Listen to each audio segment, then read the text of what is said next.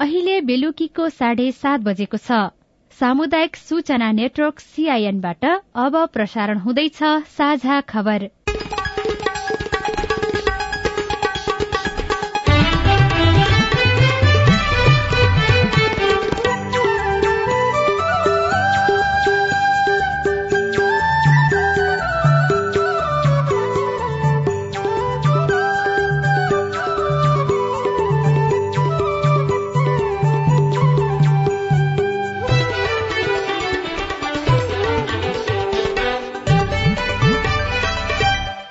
सीआईएनको साझा खबरबाट सोभिता रिसालको नमस्कार। साझा खबर देशभरिका सामुदायिक radio CIN Khabar dot com र मोबाइल एप सीआईएनमा पनि सुन्न सकिन्छ।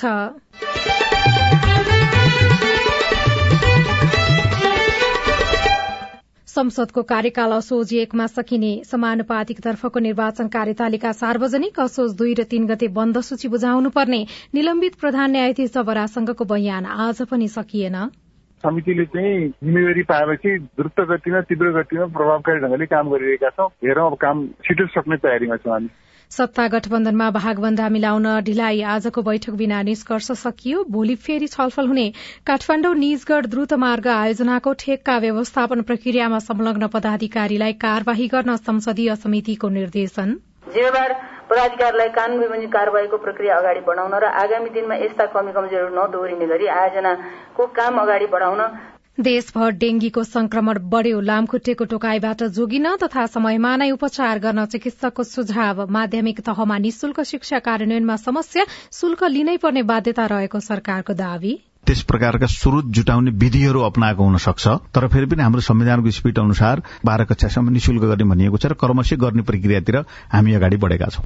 र बेलायती महारानी एलिजाबेथको निधनसँगै एक युगको अन्त्य भएको विश्लेषण एसिया कप क्रिकेटको फाइनल खेल हुँदै श्रीलंका विरूद्ध पाकिस्तान टस जितेर फिल्डिङमा।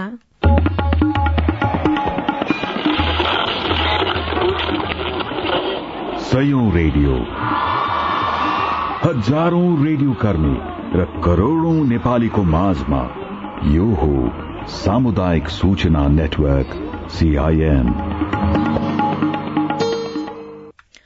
संविधानले नैतिक पतन देखिने फौजदारी कसुरमा सजाय नपाएको कानूनले अयोग्य नभनेको र कुनै पनि लाभको पदमा बहाल नरहेको व्यक्तिलाई प्रतिनिधि सभा र प्रदेश सभाको निर्वाचनमा भाग लिन पाउने अधिकार दिएको छ। तर सिफारिशमा परेका उम्मेद्वारहरू फौजदारी अभियोग लागेका मात्रै होइन सार्वजनिक पदमा बहाल भएकाहरू पनि छन्। दलहरूले उम्मेद्वार छनौट गर्दा स्वच्छ छवि भएकालाई गर्नुपर्छ। दलहरूबाटै संविधानको परिपालना भएमा मात्रै नागरिक तहबाट संविधानको पालनाको अपेक्षा गर्न सकिन्छ। अब खबर अविनाश आचार्यबाट निलम्बित प्रधान न्यायाधीश चुलेन्द्र शमशेर जबरासँग महाअभियोग सिफारिश समितिले पैंतिसवटा प्रश्न सोधेको छ। समितिका सदस्य मीन विश्वकर्माका अनुसार जबराले आज बाह्रदेखि पैंतिस नम्बर प्रश्नको जवाफ दिनुभएको छ। जबरालाई सोध्नको लागि समितिले त्रिचालिस प्रश्न तयार गरेको छ। जवाफ दिने क्रममा जबराले पूर्व प्रधानमन्त्री केपी शर्मा ओली र पूर्व अर्थमन्त्री विष्णु पौडेललाई समेत भ्रष्टाचार आरोप लगाउनु भएको छ। सर्वोच्च अदालतको भवन निर्माणमा भएको भ्रष्टाचार बारे समितिले सोधेको प्रश्नमा जबराले पूर्व प्रधानमन्त्री ओली र पौडेललाई पूर्व अर्थमन्त्री पौडेलले समेत सहयोग गरेको जवाफ दिनुभयो। त्यस्तै जबराले पूर्व प्रधान न्यायाधीशहरूको समाजलाई मण्डलेको संज्ञा दिनुभएको छ। महाअभियोग सिफारिश समितिमा जबराले केही राजनैतिक दलले न्यायपालिकालाई नै ध्वंस गर्न खोजेको दावी गर्नुभएको छ। संवैधानिक इजलासलाई अनिश्चितकालसम्म रोक्न भूमिका खेलेको आरोपमा बयान दिँदै जबराले नेपाली शब्दकोशमा भएको सबभन्दा घृणित र उच्चारण नै गर्न नहुने आरोप आफूमाथि लगाइएको बताउनुभयो। समितिको अर्को बैठक भदौ अठाइस गते एघार बजे बस्नेछ। सकेसम्म सोही दिन बयान लिएर सक्ने गरी समितिले तयारी गरिरहेको समिति सदस्य विष्णु पौडेलले सीआईएनलाई जानकारी दिनुभयो। महाभियोग प्रस्ताव दर्ता भएपछि तुरन्त हाउसमा जानुपर्ने समितिमा जानुपर्ने समितिमा छ महिनापछि मात्रै पठाइयो। समितिले तीन महिनाको समय पाउनुपर्ने न्यूनतम काम गर्नका लागि एक महिना भन्दा कम समय राखेर चाहिँ त्यो चाहिँ समितिलाई एजेन्डा ह्यान्डओभर गरियो। तैपनि हामीले समितिले चाहिँ जिम्मेवारी पाएपछि द्रुत गतिमा तीव्र गतिमा प्रभावकारी ढङ्गले काम गरिरहेका छौँ। हेरौँ अब काम छिटो सक्ने तयारीमा छौँ हामी। दुई हजार चौहत्तरमा निर्वाचित प्रतिनिधि सभाका सांसदहरूको कार्यकाल आगामी असोज एक गते सकिने भएको छ। असोज एक गते प्रतिनिधि सभाको यो कार्यकालको अन्तिम बैठक बस्ने र सांसदहरूलाई विदाई गर्ने कार्यक्रम रहेको संघीय संसद सचिवालयले जनाएको छ। पाँच वर्ष अघि अर्थात दुई हजार चौहत्तर मंगिर दश र एक्काइस गते भएको निर्वाचनमा निर्वाचित भएका प्रतिनिधि सभाका सांसदहरू पहिलो पटक सोही सालको फागुन एक्काइस गते संसद प्रवेश गरेका थिए। प्रतिनिधि सभाको कार्यकाल आगामी असोज एक गतेसम्म मात्रै रहने निर्कोल भएसँगै सोही दिन अर्थात असोज एक गते अन्तिम बैठक राखेर सांसदहरूलाई विदाई गर्न लागि हो। एक गते अन्तिम बैठक राख्ने र त्यसपछि सभामुखले भोज दिएर विदाई गर्ने कार्यक्रम राखिएको सचिवालयले जनाएको छ। त्यसअघि भदौ उन्तिस गते पनि संसदको बैठक राखिएको छ। सोही दिन बेपत्ता पारिएका व्यक्तिको छानबिन सत्य निरूपण तथा मेलमिलाप आयोग ऐन दुई हजार एकहत्तरलाई संशोधन गर्न बनेको विधेयक पारित गर्ने सरकारको तयारी छ। सीट बाँडफाँडबारे सहमति जुटाउन आज बिहान बसेको सत्ता गठबन्धनको बैठक पुनः बिना निष्कर्ष टुंगिएको छ। नेपाली कांग्रेसका सभापति एवं प्रधानमन्त्री शेरबहादुर देउवा नेकपा माओवादी केन्द्रका अध्यक्ष पुष्पकमल दाहाल नेकपा एकीकृत समाजवादीका अध्यक्ष माधव कुमार नेपाल र जनता समाजवादी पार्टीका अध्यक्ष उपेन्द्र यादव सहित शीर्ष नेताहरूबीच आज गठबन्धनमा सीट बाँडफाँडबारे छलफल भएको थियो। गठबन्धनले सीट बाँडफाँडका लागि बनाएको कार्यदल अहिलेसम्म कार्यदलमा के के भयो भन्ने बारे आजको बैठकमा जानकारी भएको र अझै पनि धेरै कुराहरू मिलाउन बाँकी रहेको नेता झलनाथ खनालले बताउनुभयो। हामीले अब यही तालमेलको बारेमा छलफलहरू गर्यौं कार्यदलले अहिलेसम्म गरेको कुराहरूको बारेमा त्यहाँ रिपोर्टिङ भयो। त्यो रिपोर्टिङ भइसकेपछि कैयौं कुराहरू मिलिसकेको र कैयौं कुराहरूमा चाहिँ मिलाउन बाँकी रहेको। यी कुराहरू रिपोर्टिङ भएको छ। र त्यो आधारमा अब भोलि हामीले सकेसम्म टुङ्गो लगाउँछौँ। के के बाँकी भए बाँकी ट्याङ्की कुराहरू अगाडि जालान् तर अधिकांश विषय भोलि टुङ्गो लाग्छ। गठबन्धनमा कार्यदलले करिब नब्बे सीटमा साझा समझदारी बनाए पनि बाँकी सीटमा दलहरूबीच विवाद छ। त्यसबारे कार्यदलले सहमति जुटाउन नसकेपछि शीर्ष नेताहरू छलफलमा जुटेका छनृ। निर्वाचन आयोगले आगामी मंगिर चार गते हुने प्रदेशसभा तथा प्रतिनिधि सभाको निर्वाचनको समानुपातिक तर्फको निर्वाचन कार्यतालिका सार्वजनिक गरेको छ। तालिका अनुसार दलहरूले असोज दुई र तीन गते उम्मेद्वारको बन्द सूची आयोगमा पेश गर्नुपर्नेछ। असोज चारदेखि नौ गतेसम्म आयोगले बन्द सूचीमाथि छानबिन गर्नेछ। सो कानून अनुसार नभएमा सच्याउन दलहरूलाई सूचित गर्ने तालिका छ। दलहरूले बन्द सूची संशोधन गरी असोज दसदेखि सोह्र गतेसम्म पेश गर्नुपर्ने तालिकामा उल्लेख छ। संसदीय समितिले काठमाण्डु निजगढ़ द्रुतमार्ग आयोजनाको ठेक्का व्यवस्थापन प्रक्रियामा संलग्न आयोजना प्रमुख लगायत जिम्मेवार पदाधिकारीहरूलाई कार्यवाही गर्न सरकारलाई निर्देशन दिएको छ। प्रतिनिधि सभा अन्तर्गतको विकास तथा प्रविधि समितिको आज सिंहदरबारमा बसेको बैठकले आयोजनाको ठेक्का सम्झौता सम्बन्धी छानबिन समितिको प्रतिवेदनलाई आधार मानेर ठेक्का व्यवस्थापन प्रक्रियामा संलग्न आयोजना प्रमुख लगायत जिम्मेवार पदाधिकारीहरूलाई कार्यवाही गर्न निर्देशन दिएको हो। सार्वजनिक खरिद ऐन अनुसार ठेक्का प्रक्रियाको काम अगाडि नबढ़ेका भएकाले सम्बन्धित पदाधिकारीहरूलाई कार्यवाही गर्न प्रधानमन्त्री तथा मन्त्री परिषद कार्यालय र रक्षा मन्त्रालयलाई सचेत गराइएको समितिका सभापति कल्याणी कुमारी खड्काले जानकारी दिनुभयो। मिति दुई हजार अठहत्तर बाह्र तेह्र गतेको निर्देशन बमोजिम गठन भएको छानबिन समितिको प्रतिवेदनले प्याकेज नम्बर चार र पाँचको ठेक्का सम्झौता सार्वजनिक खरिद ऐन दफा सत्ताइस तीन बमोजिम नभएको पुष्टि गरिसकेको साथै समितिबाट पनि आयोजनाका ठेक्का प्रक्रियाहरूमा कानून बमोजिम सम्पन्न गर्न पटक पटक निर्देशन गरिसकेको सन्दर्भमा निर्दिष्ट कानून विपरीत ठेक्का व्यवस्थापनको कार्यमा संलग्न आयोजना प्रमुख लगायत जिम्मेवार पदाधिकारीलाई कानून विबन्धी कार्यवाहीको प्रक्रिया अगाडि बढाउन र आगामी दिनमा यस्ता कमी कमजोरीहरू नदोहोरिने गरी आयोजनाको काम अगाडि बढाउन समिति नेपाल सरकार प्रधानमन्त्री तथा मन्त्री परिषदको कार्यालय र रक्षा मन्त्रालयलाई निर्देश गर्दछ। बैठकले रेल पूर्वाधार आयोजना अन्तर्गत जनकपुर जयनगर र जनकपुर कुर्ता बर्दिवास निजगढ़ खण्डको स्थलगत अवलोकन भ्रमण प्रतिवेदन पनि पेश गरी सुझाव सहित पारित गरेको छ। साझा खबरमा अब विदेशको खबर। बेलायती महारानी एलिजाबेथ द्वितीयको छयानब्बे वर्षको आयुमा गत बिहिबार निधन भयो। बेलायतको इतिहासमै सबैभन्दा लामो समयसम्म सत्तामा बस्नुभएका महारानी एलिजाबेथको निधनसँगै एक युगको अन्त्य भएको विश्लेषण भइरहेको छ। पूरै विश्वको ध्यान केन्द्रित गर्ने एलिजाबेथको निधन उहाँकै शासन शैलीलाई कारक ठान्नेहरू धेरै छन्। सन् उन्नाइस सय त्रिपन्नको जूनमा एलिजाबेथ द्वितीयले बेलायतको महारानीको पदभार सम्हाल्नुभयो।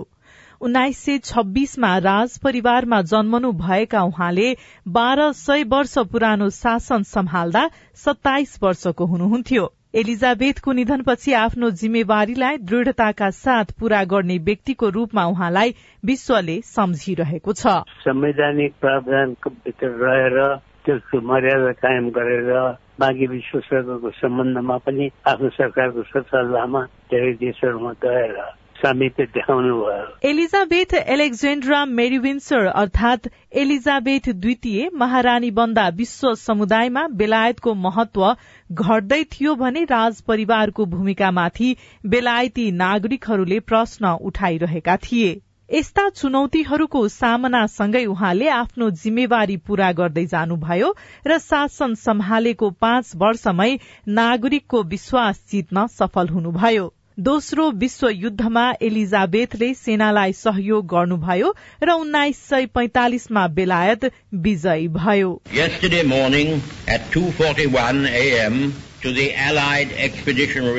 संयोग कस्तो रह्यो भने नेपालले पहिलो कूटनीतिक सम्बन्ध बेलायतसँगै कायम गर्यो। सन् अठार सय सोह्रमा सुगौली सन्धि लगतै दुई मुलुक बीच कूटनीतिक सम्बन्ध स्थापना भएको एक सय पैंतालिसौं वर्षमा पहिलो र त्यसपछिको पच्चीसौं वर्षमा दोस्रो पटक नेपाल भ्रमणमा एलिजाबेथ आउनु भएको थियो। उहाँको निधनमा नेपालमा तीन दिन शोक मनाइँदैछ। परराष्ट्र मामिलाका एकजना जानकार डाक्टर भेष बहादुर थापा। नेपाल र बेलायतको सम्बन्धमा अस्तित्व जोगाउने किसिमको अभियानमा नेपाल सफल भयो। भारत स्वतन्त्र भएपछि त्रिपक्षीय सन्धि भयो। त्यसले गोर्खालीहरूलाई बेलायतले पनि लिन पाउने प्रावधान खडा भयो। त्यसले गर्दाखेरि न्यूनतमको तह पनि नेपालले आफ्नो अस्तित्व जोगाएर कूटनीतिक अभ्यासमा सफल भएर बेलायतसँग सम्बन्ध कायम गरेको लामो इतिहास। बेलायतले एक सय बीस भन्दा बढ़ी मुलुकमाथि विभिन्न समयमा शासन गर्यो। ती मुलुकसँगको सम्बन्ध सुधारका लागि पनि महारानी एलिजाबेथको भूमिका सन्तुलित र जिम्मेवार देखिएको विश्लेषण भइरहेको छ। नेपाल सहित विश्वका एक सय सत्र मुलुकको भ्रमण गरिसक्नु भएका एलिजाबेथले सत्तरी वर्ष शासन गर्दा बेलायतका नागरिकको जुन विश्वास जित्नु भएको थियो आगामी दिनमा त्यो बेलायती राज संस्थाप्रति रहन्छ वा रहन्न भन्ने बारेमा टीका टिप्पणी भइरहेका छन्। स्नेहा कर्ण सीआईएन काठमाडौँ। र एसिया कप र खेल खबरमा एसिया कप क्रिकेटको फाइनलमा आज श्रीलंका र पाकिस्तान बीच खेल हुँदैछ। दुवैमा केही बेरमा शुरू हुने खेलमा पाकिस्तानले टस जितेर फिल्डिङ रोजेको छ। सुपर फोरमा भएको खेलमा भने श्रीलंकाले पाकिस्तानलाई हराएको थियो।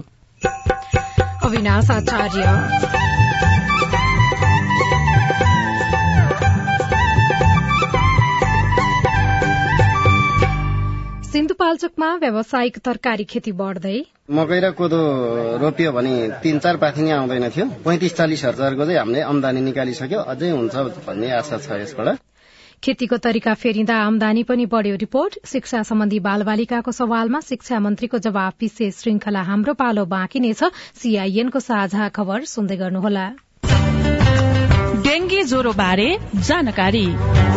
डेंगी ज्वरो लामखुट्टेको टोकाईबाट सर्ने एक किसिमको सरुवा रोग हो। वर्षातको मौसम शुरू भएपछि डेंगी ज्वरोको प्रकोप बढ्न थाल्दछ। यो रोग नेपालका विभिन्न ठाउँहरूमा देखा परिरहेको छ। डेंगी ज्वरोका लक्षणहरू। एक्कासी तीनदेखि पाँच दिनसम्म उच्च ज्वरो आउने। धेरै टाउको दुख्ने आँखाको गेडी दुख्ने शरीरमा डाबरहरू आउने खानामा अरुचि हुने जोर्नी तथा मांसपेशीहरू बेसरी दुख्ने र पेट तथा आन्द्राको समस्या हुने। डेंगी ज्वरोको संक्रमणबाट बस्ने उपायहरू। लामखुट्टेको टोकाईबाट जोगिन पूरा शरीर ढाकिने गरी कपडा लगाउने राति सुत्ने बेला झुलको प्रयोग गर्ने लामखुट्टेको टोकाईबाट जोगिन मलम लगाउने घर वरपर तथा खेतबारीमा काम गर्न जाँदा पूरा बाहुला भएको कपडा तथा मलम लगाएर जाने। झ्याल ढोकामा जाली लगाउने र बन्द राख्ने पानी राख्ने भाँडाहरू सधैँ छोपेर राख्ने।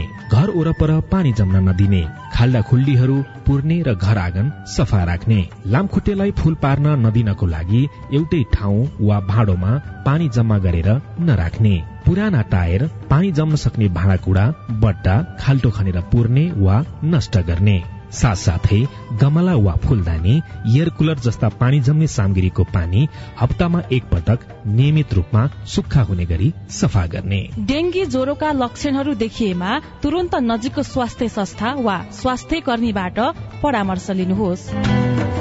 नेपाल सरकार स्वास्थ्य तथा जनसंख्या मन्त्रालय राष्ट्रिय स्वास्थ्य शिक्षा सूचना तथा संचार केन्द्र र सेभ द चिल्ड्रेनको सहकार्यमा जनहितमा जारी सन्देश।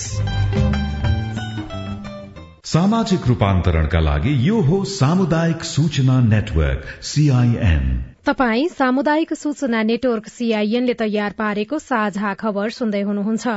गत साउनदेखि नेपालमा डेंगी संक्रमणका कारण बिरामी हुनेको संख्या आठ हजार तीन सय सत्ताइस पुगेको छ। स्वास्थ्य तथा जनसंख्या मन्त्रालयका अनुसार हाल नेपालका पचहत्तरवटा जिल्लामा डेंगी संक्रमण फैलिएको छ। मन्त्रालयका अनुसार सबैभन्दा धेरै बागमती प्रदेशमा छ हजार दुई सय पाँच जनामा डेंगीको पहिचान भएको छ। नेपालमा पहिलो पटक दुई हजार एकसठी सालमा डेंगी देखिएको थियो। त्यसयता वर्षेनी डेंगीको संक्रमण देखिँदै आएको छ। यस वर्ष भने प्रकोपकै रूपमा फैलन थालेको छ।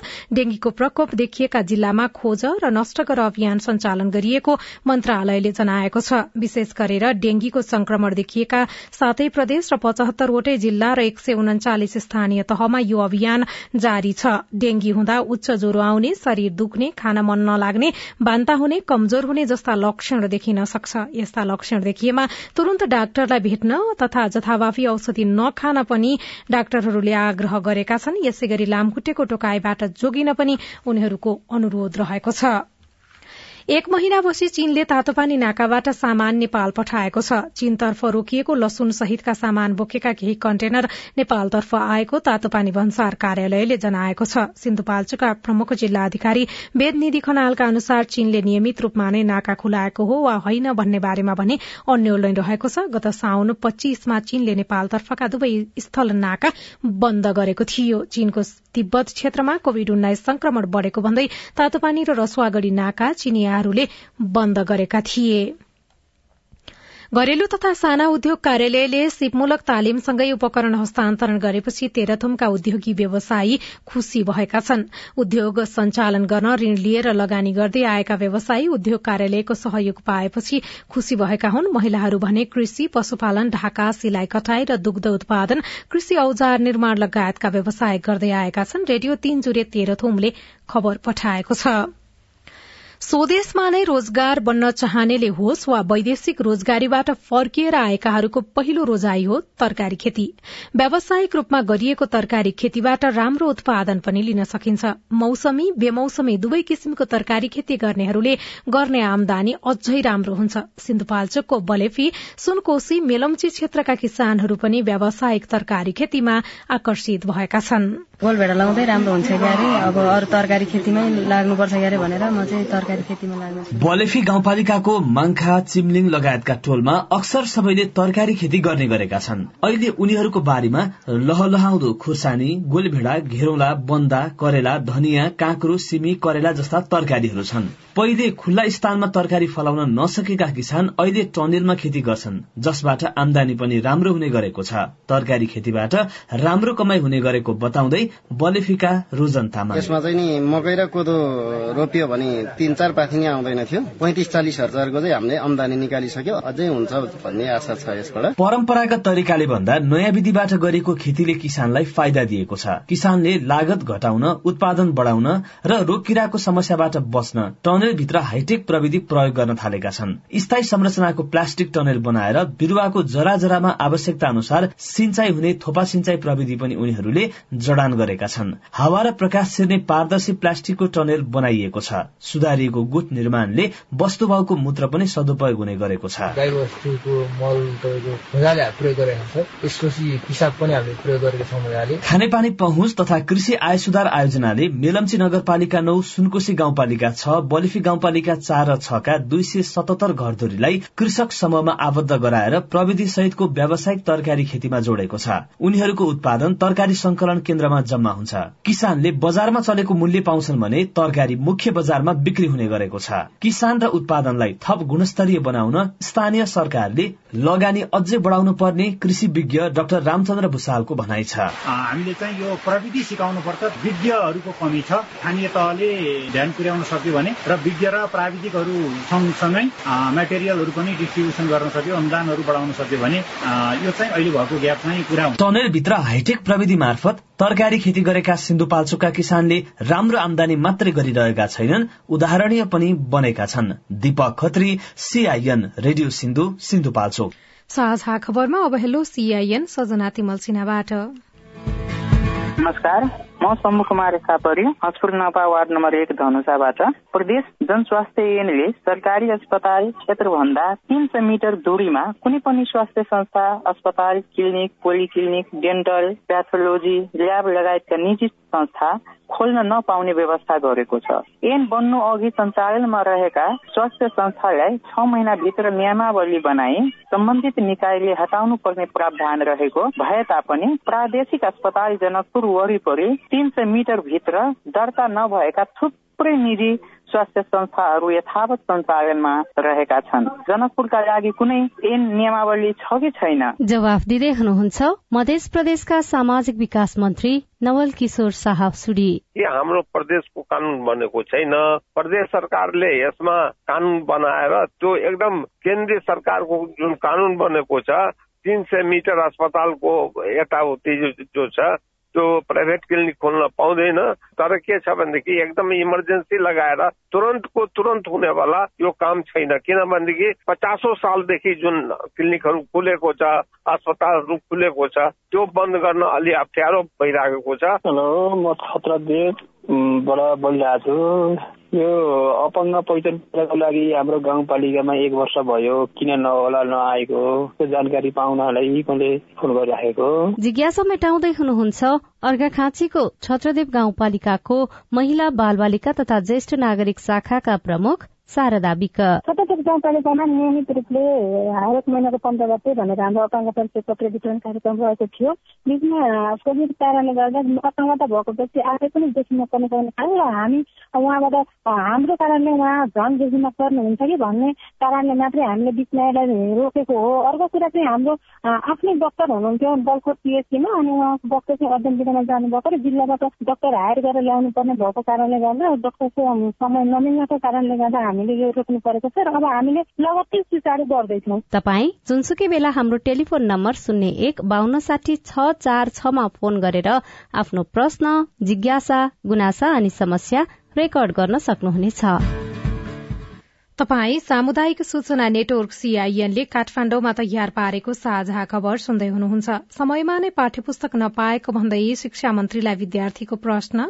अझसम्म हामीले पाठ्य पुस्तक नपाएकाले अर्को त्रैमासिकमा पनि यस्तै भयो भने हामी के पढ्नेछौ? यदि त्यहाँ पाठ्य पुस्तक पुगेको छैन भनेदेखि तुरन्त चाहिँ मैले सम्बन्धित ठाउँमा फलो गर्नेछु। माध्यमिक तहसम्म निशुल्क शिक्षा कार्यान्वयनमा आएन। थाहा पाएर पनि सरकार निरीह विशेष श्रृंखला हाम्रो पालो बाँकी नै छ। सीआईएनको साझा खबर सुन्दै गर्नुहोला। तपाईँले सीआईएनको साझा खबरका मुख्य शीर्षकहरू नेपाल टेलिकमको सिम भएको मोबाइल नम्बरबाट पटक पटक जुनसुकै बेला निशुल्क सुन्न सक्नुहुन्छ। तीन दुई एक शून्य शून्य डायल गर्नुहोस् र दैनिक समाचार स्वास्थ्य कोविड उन्नाइस कृषि मौसम प्रकोप र अधिकारका बारेमा पनि निशुल्क सुन्नुहोस्। तीन दुई एक शून्य शून्य सूचनाको संचार सामाजिक रूपान्तरणका लागि यो हो सामुदायिक सूचना नेटवर्क सीआईएन तपाई सामुदायिक सूचना नेटवर्क सीआईएनले काठमाण्डुमा तयार पारेको साझा खबर सुन्दै हुनुहुन्छ। साझा खबरमा अब प्रस्तुत छ विशेष श्रृंखला हाम्रो पालो।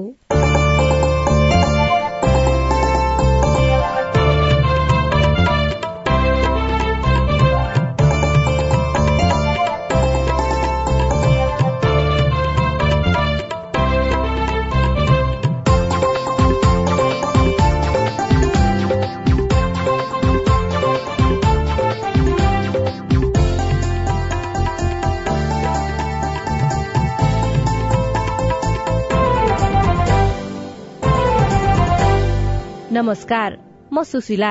हाम्रो पालोमा हामी कोविड लगायत अन्य विपत्तिमा बाल सुरक्षा बाल अधिकार लगायत किशोर किशोरी र युवाहरूको प्रश्न लिँदै त्यसको उत्तर खोज्ने प्रयत्न गर्नेछौ।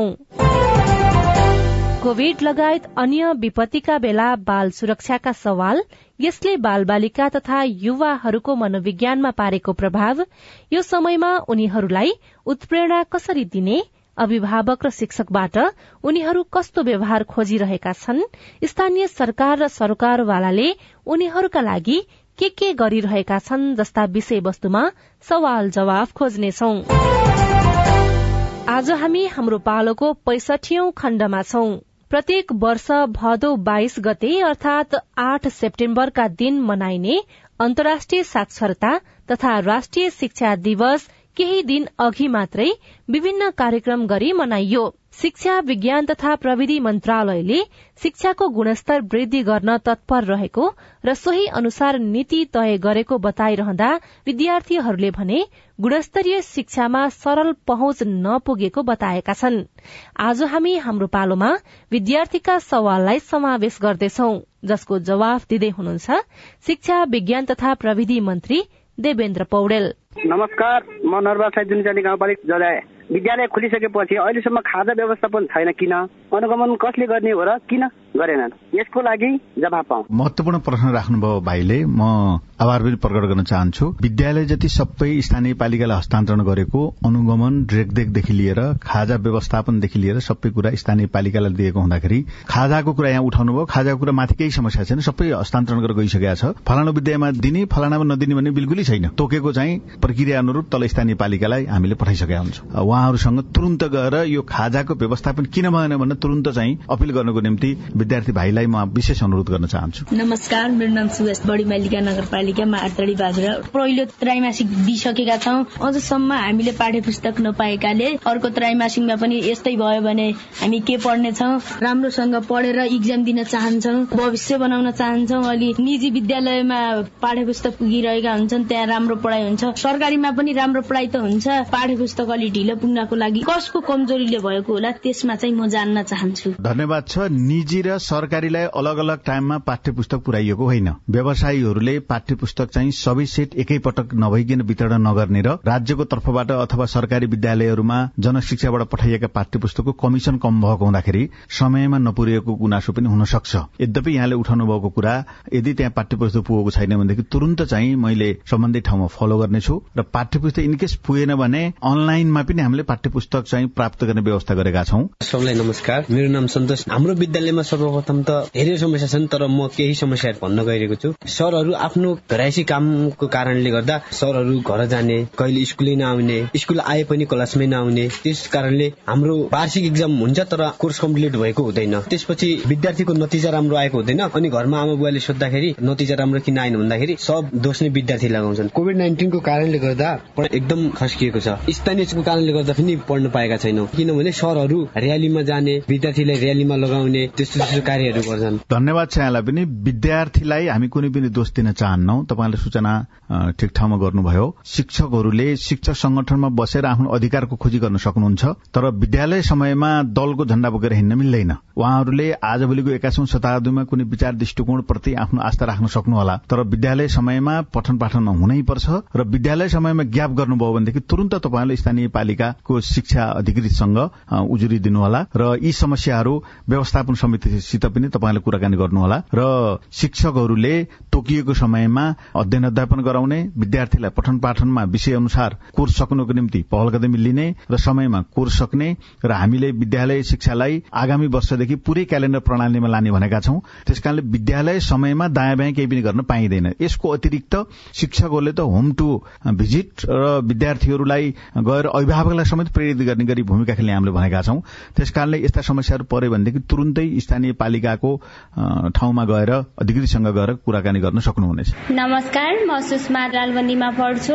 अहिले कोरोना धेरै बढे पनि तर हाम्रो विद्यालयमा चाहिँ खासै ऊ भइरहेको छैन। पहिला हाम्रो विद्यालयमा मास्क अनिवार्य लाउनु पर्थ्यो। सेनिटाइजरको प्रयोग भइरहेको थियो। अहिले बीचमा त्यो पनि छैन। अनि त्यसपछि पहिलाको जस्तो सावधानी अहिले कसैले पनि अप्नाएको छैनन्। कोविडको अझै पनि पूर्ण कम्प्लिट भइसकेको अवस्था नभएको र त्यस प्रकारका प्रकोपका लक्षणहरू देखा परिराखेको हुँदाखेरि हस्पिटलमा आवश्यक चाहिँ सावधानी अपनाउनुपर्छ र सावधानी अपनाउनको निम्ति स्थानीय पालिका र नगरपालिका महासंघ मार्फत र हाम्रो विद्यालय हेर्ने महानिर्देशकहरू मार्फत चाहिँ हामीले यो निर्देशन गर्नेछौ।